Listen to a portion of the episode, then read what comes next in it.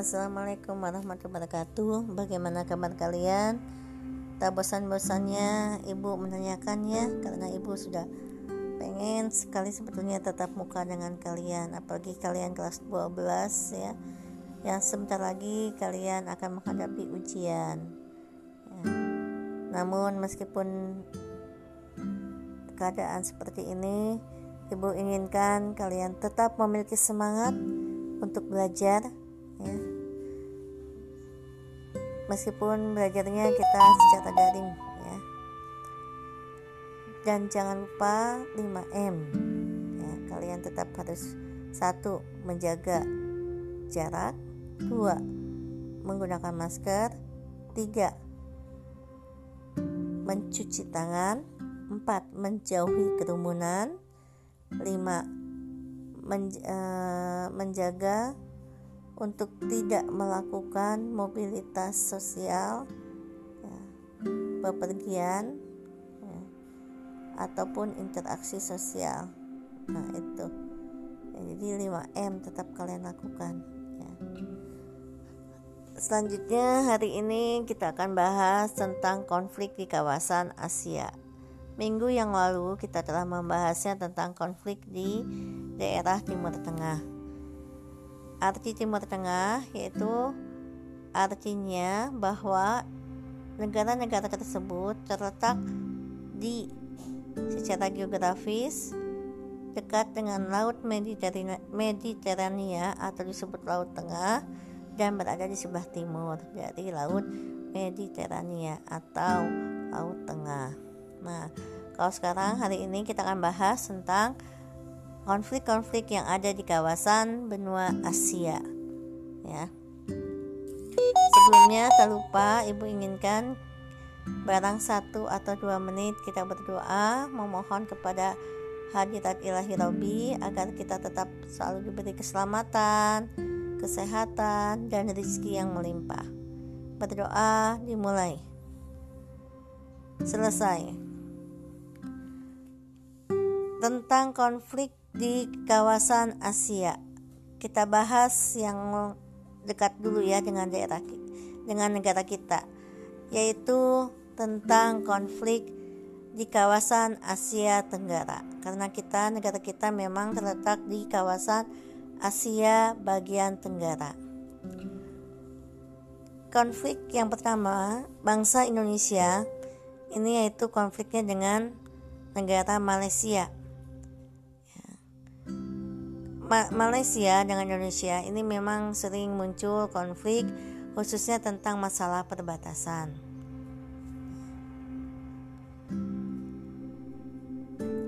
Yaitu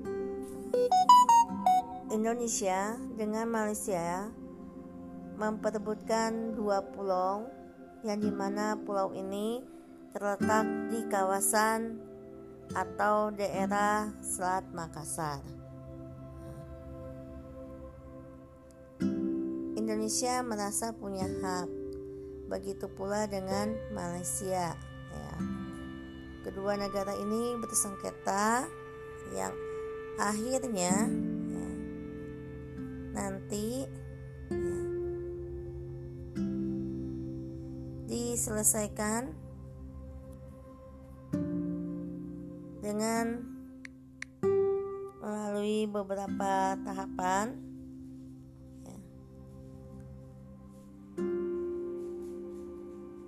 pertama, ya, pada tahun 1967 dilakukanlah pertemuan hukum laut ya, antara dua negara ini yang sama-sama mengklaim Sipadan dan Likitan.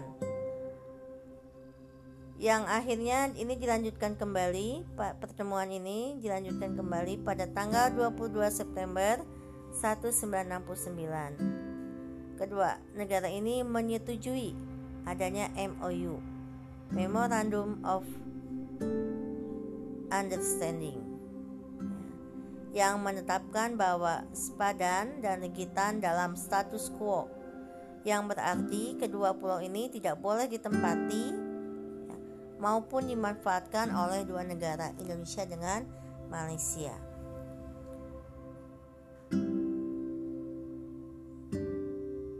Tetapi Malaysia menggunakan kesempatan ini ya, ketika dilakukannya MOU ya, yaitu untuk membangun fasilitas pariwisata perlindungan terhadap satwa penyu dan pembangunan mercusuar. Yang akhirnya ini diselesaikan pada sidang tahun 2002 ya melalui ECG International Court of Justice ya, di mana Malaysia mengajukan bukti-bukti yang kuat yang akhirnya kedua pulau ini jatuh ke tangan Malaysia. Indonesia bagaimana Bu? Indonesia sebagai bangsa yang besar akhirnya dapat menerima. Ya. Kita lanjut ke konflik Laut Cina Selatan dan Kepulauan Spratly. Ke uh, Spratly ini arti apa? Ini adalah satu kepulauan yang terletak di daerah atau kawasan Laut Cina Selatan. Pada mulanya, Spratly ini tidak diperebutkan. Kenapa? Karena hanya berupa gugusan karang laut. Tapi setelah di daerah ini ditemukan ya, sumber daya alam berupa minyak bumi, gas, akhirnya daerah kepulauan ini dibagaimanakan diperebutkan apalagi letaknya yang strategis di lintas perdagangan antar negara. Siapa saja sih Bu yang terlibat di dalamnya?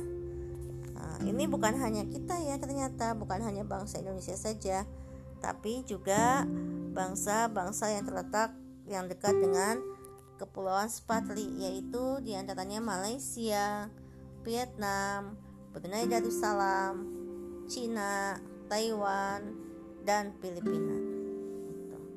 Yang akhirnya masalah ini ya diusahakan diselesaikan ya yaitu dengan adanya pertemuan yang diperakarsai oleh ASEAN ya, pada tahun 1947 ya. Namun sayang masalah ini ternyata tidak selesai sampai saat ini. Ya, kita berdoa saja mudah-mudahan masing-masing bangsa dapat menjaganya ya sehingga tidak memanas dan tidak menimbulkan konflik apalagi dengan mengangkat senjata ya. mudah-mudahan masing-masing dapat menahan egonya masing-masing ya. Kemudian konflik Thailand dan Kamboja kalau konflik Thailand dengan Kamboja ini sebetulnya memperebutkan satu buah kuil ya yang di mana kuil ini terletak di daerah perbatasan antara Kamboja dengan Thailand Kuil ini bernama kuil Preah. Ya.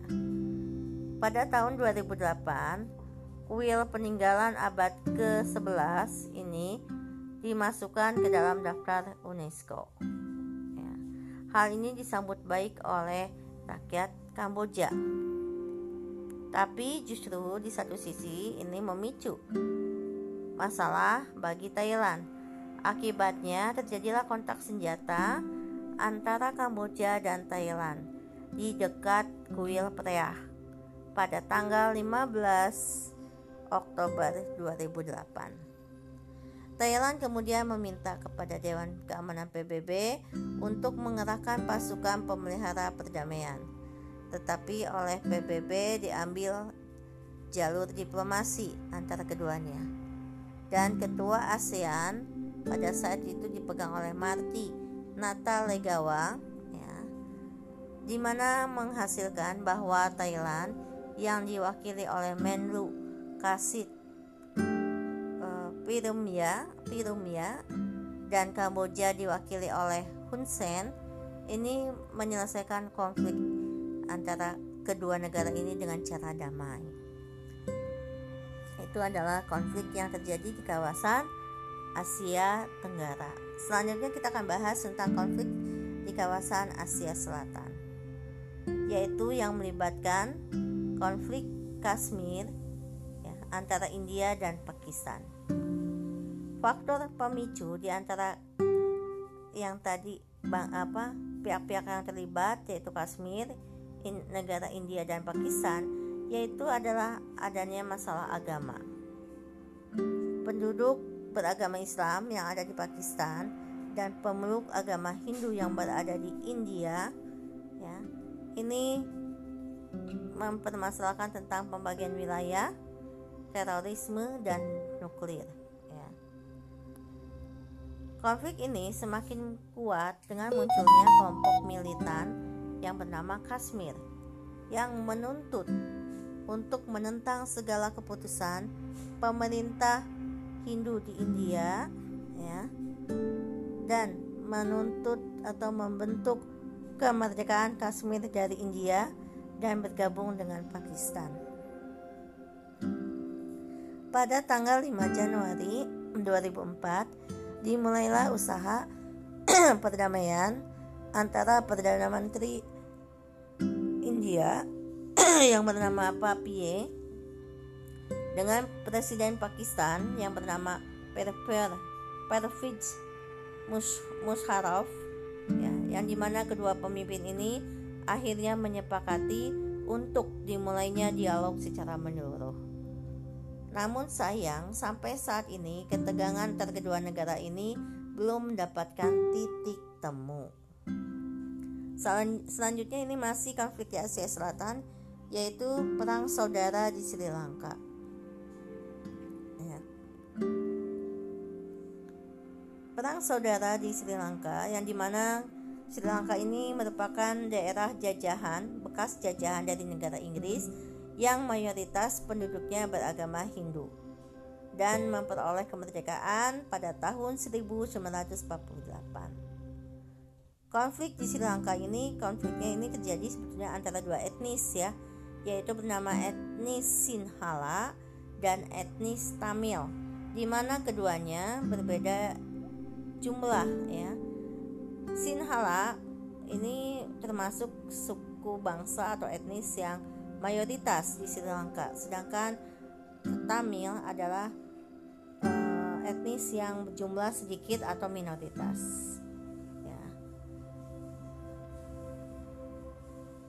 uh, pada awalnya konflik ini muncul ya yaitu ketika pada tahun 70-an ya, etnis Tamil ini tergeser ya, kedudukannya. ya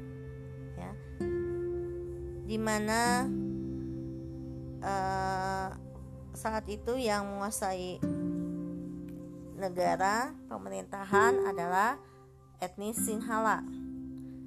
Muncul akhirnya gerakan separatis dari Tamil ya yang terkenal dengan nama Gerakan Pejuang Pembebasan Macan Tamil atau dikenal dengan LTTE yang di mana meskipun jumlahnya minoritas Tamil ini memiliki senjata yang sangat kuat. Tujuannya untuk apa sih? Untuk membentuk negara yang merdeka. Jadi kami ini ingin membentuk negara sendiri ya dengan suku bangsanya atau etnis Tamil yang kemudian di mana konflik ini ya sebetulnya kan ini satu negara ya ya saudara ya yang akhirnya menimbulkan atau menewaskan puluhan ribu penduduk sipil dan banyak penduduk juga yang mengungsi. Konflik mulai reda ketika Presiden Raja Pakse mengakhiri operasi militer terhadap gerakan Tamil ya macan Tamil yaitu bernama LTTE nih ini masalah konflik di kawasan Asia Selatan selanjutnya konflik di kawasan Asia Timur yang di mana ini melibatkan dua bangsa ini sebenarnya berasal dari satu negara ya yang akhirnya terpecah, uh, terpecah menjadi dua. Utara dikuasai oleh paham komunis, ya Uni Soviet, sedangkan selatan oleh Amerika uh, Serikat dengan paham liberalnya. Masih ingat ayo negara apa yang terletak di kawasan Asia Timur? Iya betul, yaitu Korea Utara dan Korea Selatan. Ya, di mana Korea Utara dikuasai oleh Uni Soviet, dipengaruhi oleh Uni Soviet, Korea Selatan oleh Amerika Serikat dengan paham liberalnya. di, uh, ya. Konflik terjadi ketika Korea Selatan bersikuku melakukan latihan militer di pulauan atau di pulau Yong Yon uh, Yonipyong ya. Tindakan Korea Selatan ini ya, dibalas oleh Korea Utara dengan meluncurkan roket ke arah Korea Selatan. Sesungguhnya Presiden Korea Selatan Kim Dae-jung ya, mengumumkan kebijakan yaitu bernama Sansin Polis ya, yang bertujuan meningkatkan interaksi antar kedua negara.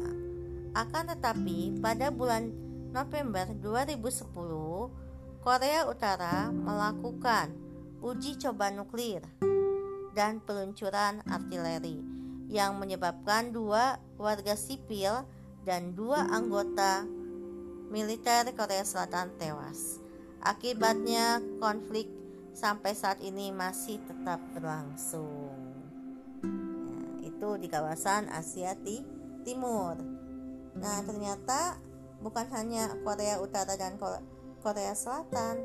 Di sini juga di kawasan Asia Timur ada konflik yaitu antara konflik Tiongkok dengan Jepang. Ya, yang memperebutkan tentang ke apa? Kepulauan Senkaku. Ya.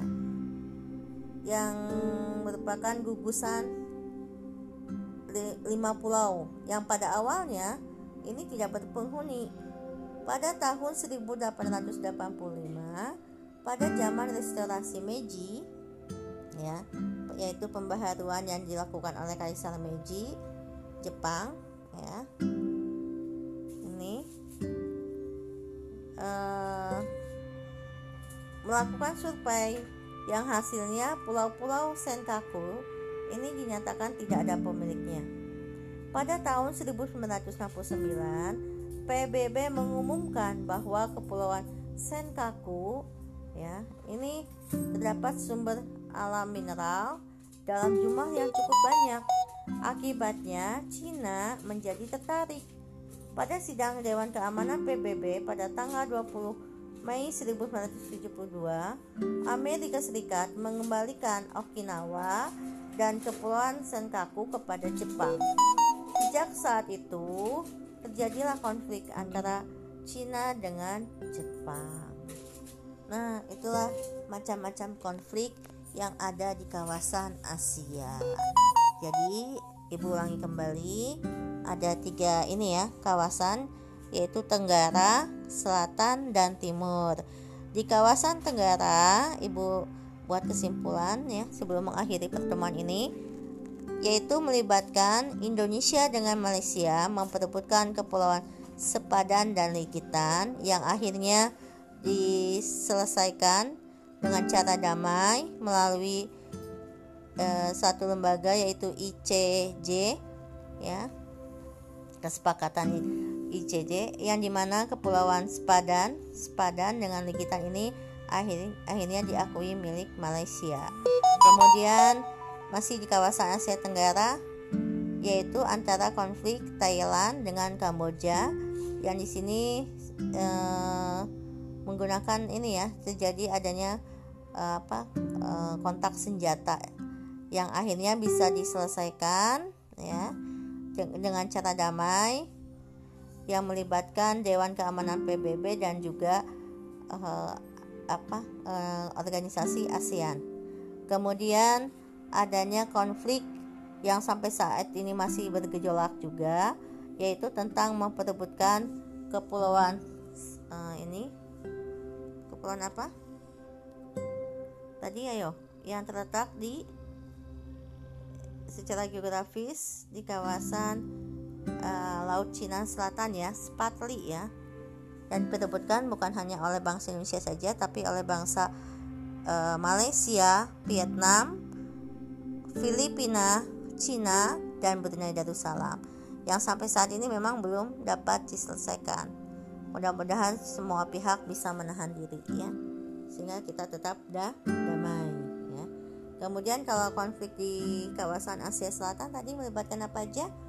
Adanya kelompok Kashmir ya dengan India dan Pakistan. Kemudian adanya kelompok yang terjadi di Sri Lanka ya perang saudara antara etnis Sinhala dan etnis apa tadi ya etnis Tamil ya itu yang ada di daerah konflik Asia Selatan ya.